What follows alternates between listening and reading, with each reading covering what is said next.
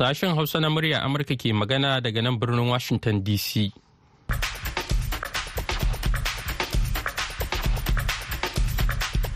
Masu sauraro Assalamu alaikum barkanmu da wannan lokaci yanzu ma Muhammad Hafiz Baballe ne tare da Mahmud Lalo sauran abokan aiki ke farin cikin gabatar muku da wannan shirin na dare a yau Asabar 13 ga watan Janairu na shekarar 2024. A cikin shirin namu nan za ku ji cewa masu sharhi kan wasannin ƙwallon kafa a Najeriya da Ghana sun ce suna da kwarin gwiwar ƙasashen biyu za su taka rawa sosai a gasar cin kofin nahiyar Afirka da aka fara yau. Kamar kowace ranar asabar. Ibrahim kalmasi garba zai shigo mana da shirin amsoshin tambayoyinku. Sai kuma shirin labaran wasanni a taƙaice daga najeriya. Amma kafin nan sai a gyara zama a labaran duniya.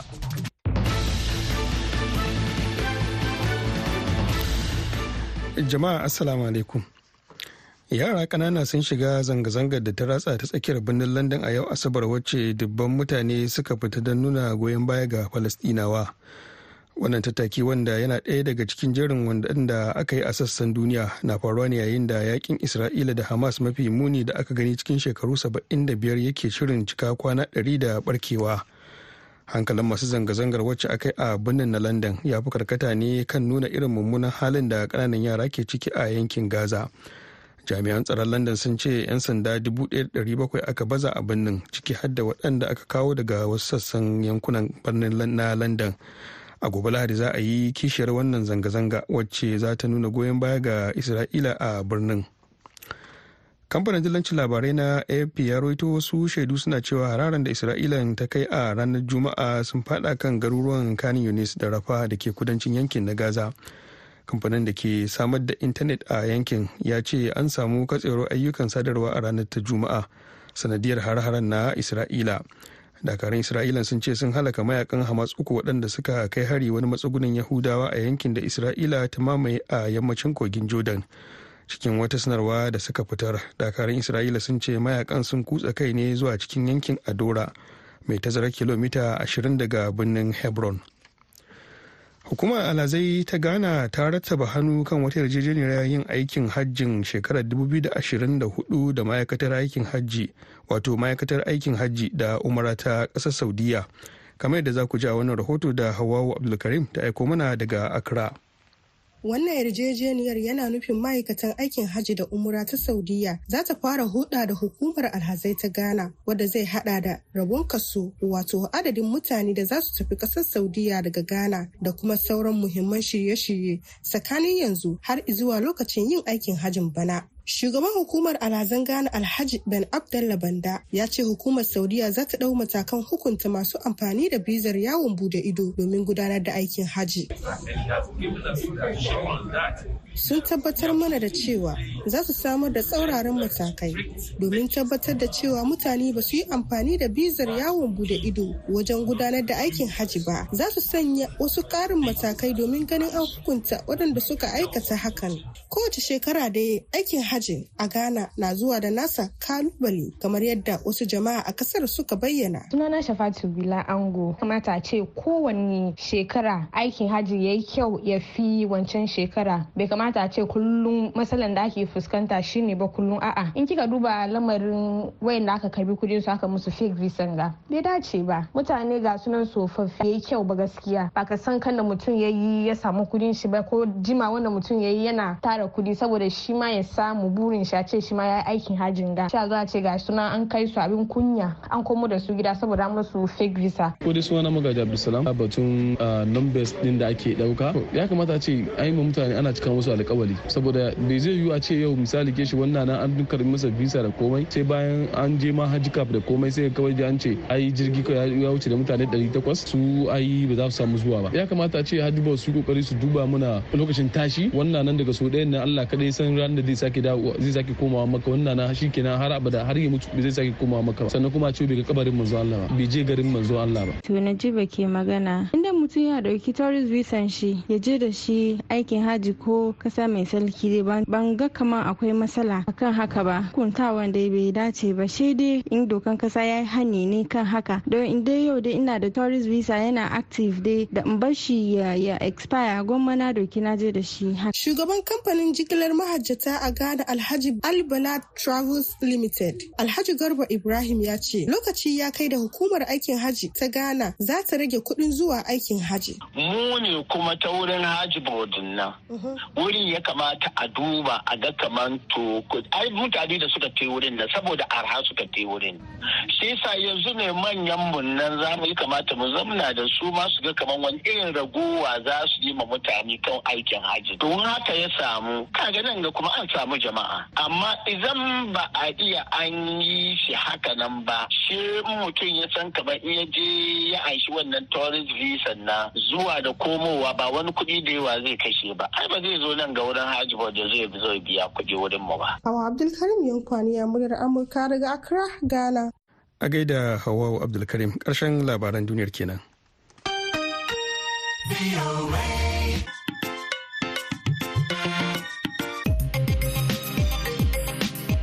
Labaran duniya aka saurara daga nan sashen Hausa na murya Amurka a birnin Washington DC.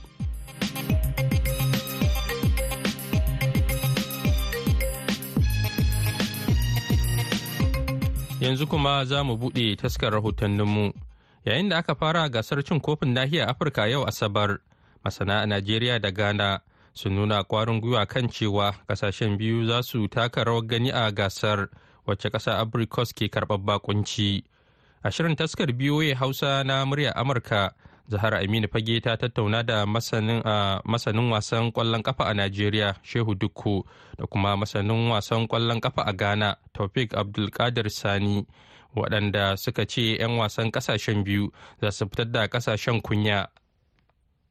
Ya kake gani 'yan wasan da aka zaɓo da za su buga wa Najeriya a wannan gasa? Kana gani za su fitar da ƙasar daga kunya? najeriya kullum muka shiga shuka dama minimum shine wanda matsakaicin ƙoƙari shine mu kai ga buga wasan kusa da na ƙarshe in ba mu kai nan ba don wani abu da muka yi ba daidai ne ba.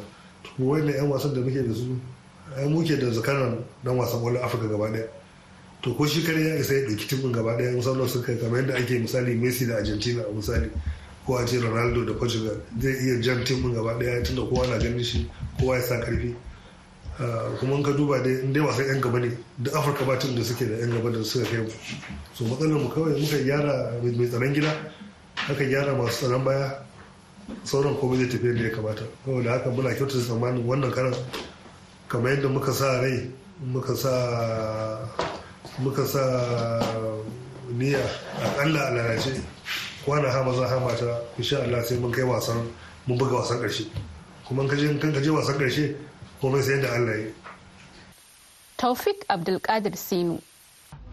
Ya kake gani 'yan wasan da aka zabo da za su buga wa Ghana a wannan gasa? Kana ganin za su fitar da ƙasar daga kunya? in ka duba in kana da yaran kanka ma in kana neman wani ka aike shi ba duka kake aika ba. Kana duba cikinsu ka kira wani ka aike shi. Wannan na nuna cewa yaranka ne amma ka san wanda zai ya yi ma aiki yadda ya kamata. Saboda wannan ka duba players da coach ya kira su a kan wanga kafa ina ga kaman akwai players da daman da ba kira su ba. Amma duka ka bar makocin don shi ne jagoran timu kuma ya nuna cewa kaman wayan ga mutane za su su min aiki yadda nake so. Dai haka nan ne ba ka iya ka takura mai sosai. Ba ka nan ba da akwai sunan naki da dama da zan yanki kira sunan nakin su da ba kara su kai ba. Amma wanda aka kira su kuma ba kan wallasa ba ne. Don ka duba timun da aka kira akwai kudus muhammad ciki akwai captain mu andrea yu. Kuma ka duba tournament ga da ake bugawan ga andrea yu na cikin players uku da za su zo tournament ga da za su set new record. Ko kuwa za su equal record da aka tun set appearance at the afcon for eight times. Andrea yu yusuf sakni na tunisia. Sannan kuma max gradel na cote d'ivoire. So banda wannan andre kuma is a player with the highest number of games daga afcon nan. Currently yana da 34 matches. Rigobert song na da 36 doshin andrea yu ya samu first group stages na ma ya matches ya buga duka. Tankan ya set new record. Wannan na gwada cewa kamar ghana na zuwa tournament nan not just with anybody but with experience and quality. Na tun kira sunan kudus akwai majid ashimeru akwai usman bukari akwai players da dama joseph pencil da su saura. So gaskiya batun players dai na yi imani ghana na da players. Wanda ya saurar duka ne uh, su ya iya ya gama su in ya so su yi aikin nan yadda ya kamata su samu results To madalla a gaida Zahra Aminu Fage yanzu kuma sai shirinmu na gaba.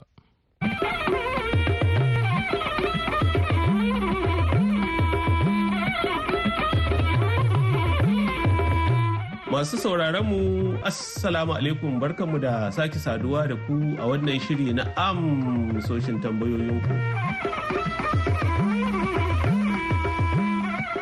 Yau za a ji kashi na biyu kuma na ƙarshe na ansoshin tambayoyin masu sauraronmu da dama game da ƙasar Falasɗinu, Isra'ila, Gaza da kuma Hamas kamar haka.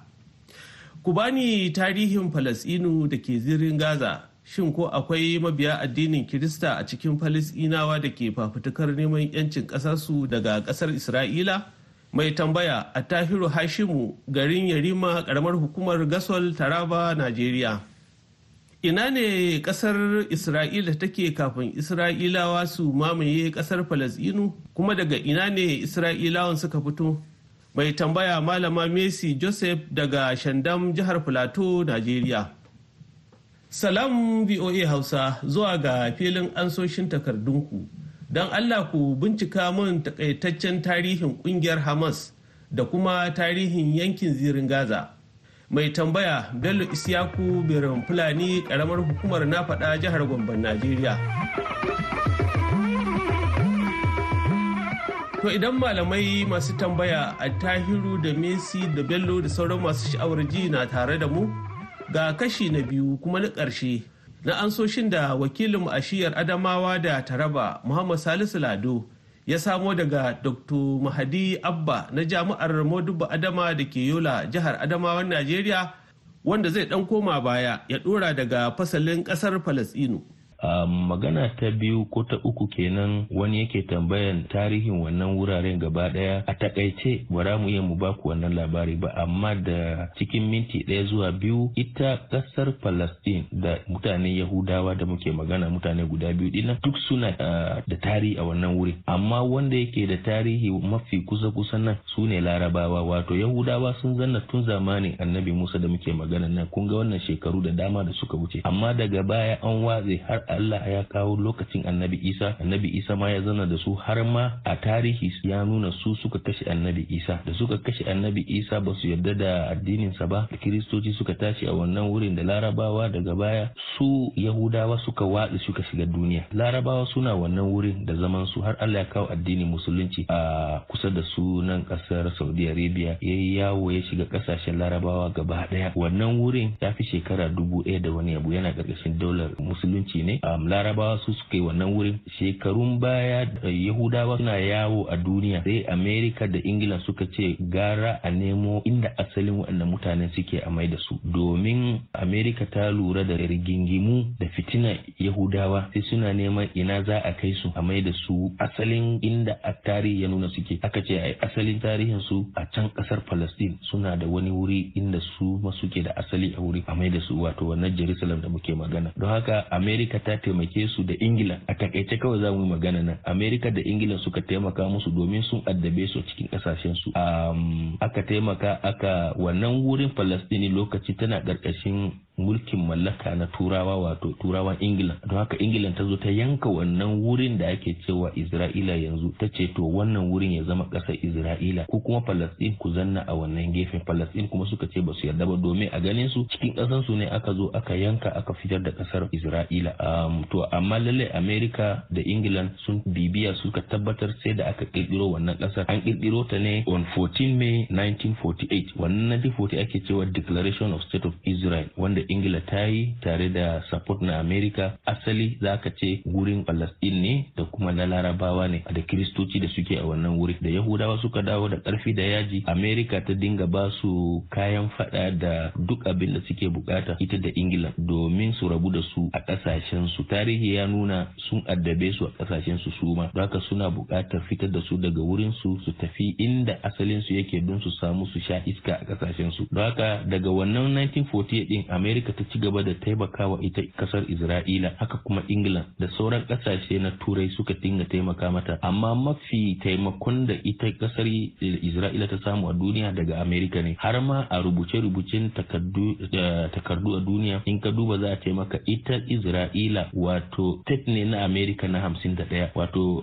america tana da jihohi guda hamsin ne daidai. Amma masu rubuta tarihi na duniya na international relation suna cewa ƙasar isra'ila wato jiha ce na america na hamsin da ɗaya. Abin da ake nufi a nan ai duk abin da kuka gani a cikin isra'ila daga america ya zo. America yake taimakon su america yake ba su haka america ta taimake ta har ta zama tana da ƙarfi na soja wanda duk ƙasashen larabawa da suke wannan wurin isra'ila ta fi su ƙarfi. Nuclear bomb da muke magana nan yanzu duk ƙasashen larabawa wataƙila a yanzu ba mai shi sai ita isra'ila. Don haka kun ga taimako america ya mata ta samu ba kawai ƙarfin sojan ba har ma ƙarfin kayan fada wanda isra'ila suke da shi. Ba wani ƙasar larabawa da yake a nan tare wanda suke taimakon ita ƙasar palestine wanda za su iya fada da ita ƙasar isra'ila. Don haka a wannan tafiyan sai ya zamanto duk ƙasashen larabawa da suke makwabtaka da ƙasar yahudu wanda aka ƙirƙiro ta 1948 haka kuma ƙasashen duniya manya-manya isu su america din da britain suka yi recognizing wato sun tabbatar sun amsa cewa wannan ƙasa ce mai zaman kanta.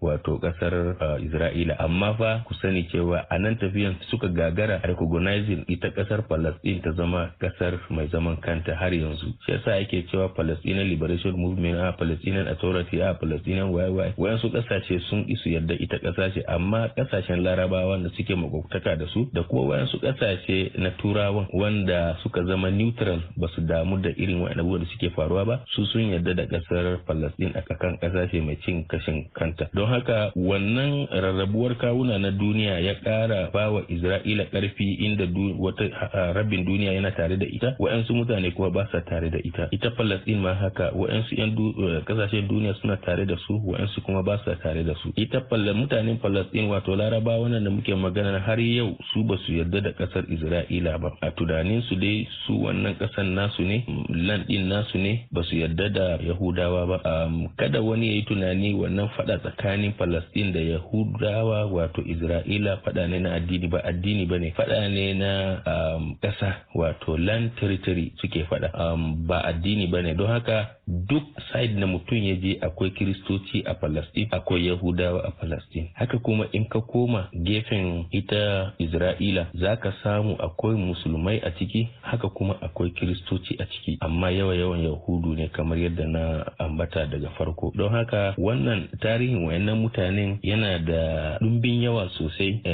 Abinda muka ƙoƙari mu fitar da shi wanda zai sa mutum ya gane shine ya sani mutane ne wanda suke zama a wuri ɗaya a suna na bambance-bambance na addini amma ba faɗan bambance-bambancen addini ba ne suke yi. Suna faɗa ne akan teritori nasu. To abin da ya sa faɗan ba zai ƙare ba ita isra'ila da allah ya bata ƙarfin soji da ƙarfin tattalin arziki da sauransu duk lokacin da suka yi faɗa da mutanen palestine ɗin nan sai su ƙara mamaye ƙasan. In an koma tarihi lokacin da aka yi declaring isra'ila a 1948 an ba ta daidai teritori nata daidai garami haka amma zuwa yanzu ta mamaye ƙasar palestine gaba ɗaya ta cinye. Duk lokacin da aka yi faɗa akwai tarihi tarihi da yawa inda suka kai faɗa na kwana shida a na kwana bakwai a na sati biyu a na rana ɗaya duk lokacin da suka yi faɗa sai su tura Palestine zuwa baya su mamaye wurin su su tura su su mamaye wurin su su tura su su mamaye wurin su har suka mamaye ƙasar Palestine gaba ɗaya larabawa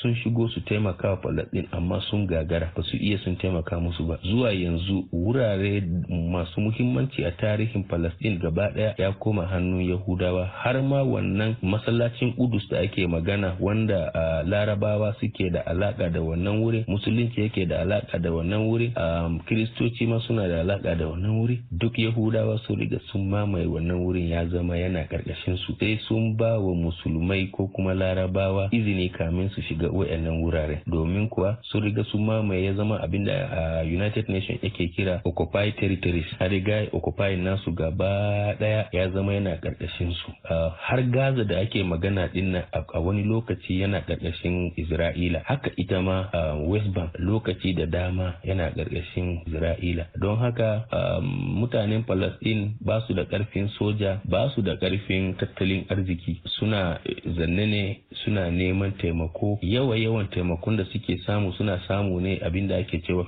humanitarian aid wanda ake kawo ƙarƙashin majalisar ɗinkin duniya da kuma ƙasashen turawa da kuma ƙasashen larabawa wanda ake kawo musu taimako. A cikin wannan kayan taimako da ake kawo wa ita a west bank ɗin da kuma gaza a nan ake amfani da wannan kayan taimako ɗin a karantar da yara a gina asibitoci a gina musu hanya da sauransu. Ba ƙasa ce wanda yake mai ƙashin kanta ba wanda take da tattalin arziki na kanta ba da sauran wasu abubuwa. Da shi yasa samun sauƙi na wannan fitina da yake wannan wurin yana da wahala. Amerika ta nuna inda take buƙata ita ƙasar isra'ila take buƙata. Abinda duk isra'ila ta yi bata taba yin laifi a idon amerika ba haka ma bata taba laifi a idon ita ƙasar britain ba. Wannan shine takaitaccen tarihi wanda za mu iya mu bawa masu tambaya. Sai dai ƙarin bayani da zan yi shine maganan hamas din lallai hamas ƙungiya ce kamar yadda na faɗa na farko wanda aka kirkiro ta domin fafutukan neman ƙasar Palestine ya zama kasa mai zaman kanta wato gashin kanta. Na farko ta yi ta wayannan fafutukan shekaru da dama amma bata samu cimma burinta ba. Daga ƙarshe dai cikin wannan fafutukan nata ƙasar Isra'ila da kuma ƙasar Amerika da British suka tagin Hamas akan ƙungiya ce na 'yan ta'adda. Da suka gagara samun abin da suke buƙata duniya bata gane abin da suke buƙata ba sai suka koma amfani da ƙarfi domin Isra'ila ta ci gaba da kuntuta musu da amfani da kayan ƙarfi. Don haka daga ƙarshe dai Hamas ta samu ta cimma burinta na kafa gwamnati a wannan Gaza. Da ta kafa gwamnati kuma kaga in mutum ya kafa gwamnati ya kamata duniya su yarda da kai. Amma a tun wannan lokacin da Hamas ta kafa gwamnati a Gaza America bata yarda da su ba haka ma Ingila bata yarda da su ba haka ma Isra'ila bata yarda da su ba. Amma talakawan Gaza sun yarda da su sun suka zaɓe su. To tun 2006 ɗin nan su suke controlling wannan wurin har zuwa yau masha Allah. Yana dai tunani masu tambaya sun gamsu da wannan ƙaramin bayani da muka ba su.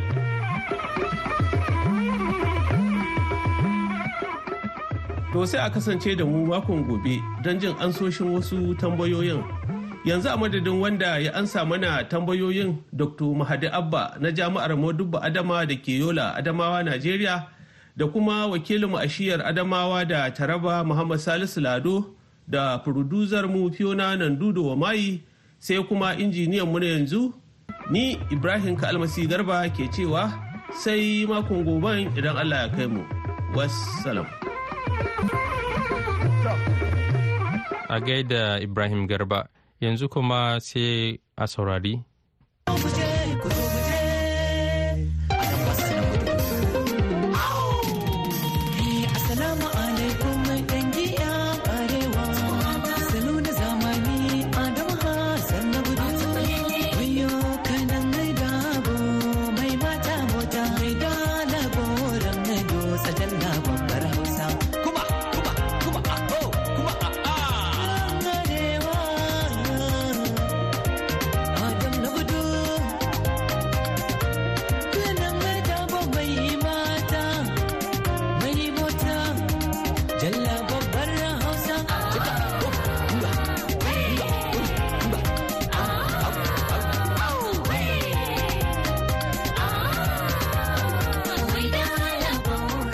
Madalla yanzu kuma sai labaran wasanni. Wasanni a taƙaice. Asabar ne ake soma fafata gasar cin kofin nahiyar Afirka. Karo na 34 a ƙasar Ivory Coast inda yanzu haka ake fafata gasar farko da mai masaukin baki wato Ivory Coast da kuma ƙasar Guinea Bissau inda yanzu haka ake fafata wasar a babban filin wasa na Alasan Watara da ke Abidjan babban birnin ƙasar inda ƙasashe 24 za su fafata a gasar ciki har da waɗanda suka daga kofin a gasar da ya gabata wato ƙasar Senegal. Kasar Masar ce dai zakarar gwajin dafi a gasar nahiyar Afirka. Domin kuwa ita ce ta daga kofin gasar har sau bakwai. Ita kuwa ƙasar Kamaru a wajen gasar ita ce ta ɗauki kofin har sau huɗu. Yayin da ƙasar Najeriya ke bin ta ta daga har sau biyu. Dan wasan Ingila da Manchester United Jado Sancho ya koma tsohuwar kungiyarsa Brondisia Thomas a matsayin aro zuwa ƙarshen kakar shekara ta 2023 da huɗu. A watan Yuni shekara ta 2021 ne dan wasan mai shekara 23 ya koma Old Trafford daga Tromont kan kuɗi fam miliyan 73 tun a ranar 26 ga watan Agusta da ya gabata rabon da dan wasan ya buga wa Manchester United wasa bayan da rikicin da ya faru tsakaninsa da kocin Erecting Han wanda ya nemi ya riƙa fita atisaye shi kadai tun watan Satumba. Ba damar sayar da dan wasan a sharaɗin aro aka mayar wa kungiyarsa ta Dumont. Ta kuwa Newcastle a shirye take ta ƙyale dan wasan tsakiya na Brazil Bruno mai shekaru 26 ya koma Barcelona ko Real Madrid kan ƙasa da fam miliyan 100 a wannan kakar. Manchester United ta mai da hankalinta kan dan wasan baya na Faransa Jean Clan Todibo mai shekara 24 amma ba dole ne ta biya Nice kusan fam miliyan 52 domin sayen shi ba. Manchester da Chelsea na son dan wasan Sweden mai shekara 16 da ke taka leda a Yak Jona Kosi Asare. Ita ma Biyamin na nuna zawarcinta kan dan wasan yanzu kuwa sai mu dawo Najeriya inda shugaban Najeriya Bola Ahmed Tinubu ya amince da biyan bashin naira biliyan goma sha biyu na tawagar 'yan wasan Super Eagle da suka biyo kuɗaɗen su hade da basussukan watanni goma sha biyar da kocin manyan tawagar ƙungiyoyin wasanni daban-daban suke bi. Tawagar 'yan wasa na Super Eagle da na mata 'yan ƙasa da shekaru ashirin za su samu kuɗaɗen su na alawus ɗinsu da aka yi musu alkawari a baya. Ita kuwa ƙungiyar ƙwallon kafa ta Kano Pilas ta nemi gafara a gaban kwamitin ladabtarwa ta hukumar NFFL. Kungiyar ta Kano Pilas ta yi wannan roƙon ne bayan cin tarar ƙungiyar da aka yi har naira miliyan goma sha biyu saboda tarzomar da magoya bayan su suka jawo. Wannan na kunshe ne a cikin wata sanarwa da sakataren ƙungiyar Sani Ibrahim ya fitar a ranar talata tara ga watan Janairu na shekara ta 2024. Iya abin da ya sauka kenan a shirinmu na wasanni a taƙaice. Lado Salisu Garba, muryar Amurka daga Adamawa a Najeriya. A gaida Salisu Lado, yanzu kuma ga labarai a taƙaice. To an buɗe gasar kofin nahiyar Afirka ta Afcon a yau Asabar a Abidjan babban birnin Ivory Coast. daga cikin zakarin 'yan wasan nahiyar da ke ƙoƙarin lashe kofin akwai victor osimhen na nigeria wanda shine lashe kamban zakaran dan wasa a nahiyar a bara akwai kuma muhammad salah na ƙasar masar da suka fafata da sadio mane na senegal da ta lashe kofin. Ana guda da gasar ce a karo na 34 senegal dai za ta yi ƙoƙarin kare kofin wanda ta lashe a shekarar 2022 a kamaru yayin da ƙasashe irin su nigeria morocco masar algeria da sauran ƙasashe suka yi yunkuro don ganin sun raba ta da kofin. Kasashe 24 ne za su fafata a wannan gasa wacce za a kammala a ranar 11 ga watan fabrairu. Wasa na farko na can yana gudana tsakanin coast mai masaukin baki da gini bisau a filin wasa na alasan watara da ke ebimpe mai wato ɗaukan mutum dubu sittin. Yara kanana sun shiga zanga-zangar da ta ratsa ta tsakiyar birnin london a yau asabar wacce dubban mutane suka fita don nuna goyon baya ga falastinawa wannan tattaki wanda yana daga cikin jerin waɗanda aka yi a sassan duniya na faruwa ne yayin da yaƙin isra'ila da hamas mafi muni da aka gani cikin shekaru 75 yake shirin cika kwana 100 da barkewa hankalin masu zanga-zangar wacce aka yi a birnin na london ya fi karkata ne kan nuna irin mummunan halin da ƙananan yara ke ciki a gaza. Jami'an tsaron london sun ce 'yan sanda 1,700 aka baza a birnin ciki har da waɗanda aka kawo daga wasu sassan yankunan ƙasar ta birtaniya. Masu sauraro a nan muka kawo ƙarshen shirin namu na yau sai kuma goben allah ya kai mu za ku ji abokan aikin mu ɗauke da wani sabon shirin. Yanzu a madadin mahmud lalo da ya karanto labarai da fiona wamayi da ta ba da umarni da ma injiniyar mu ta yanzu zainab abdulrahman ni muhammad hafiz baballe ke cewa ku kwana lafiya.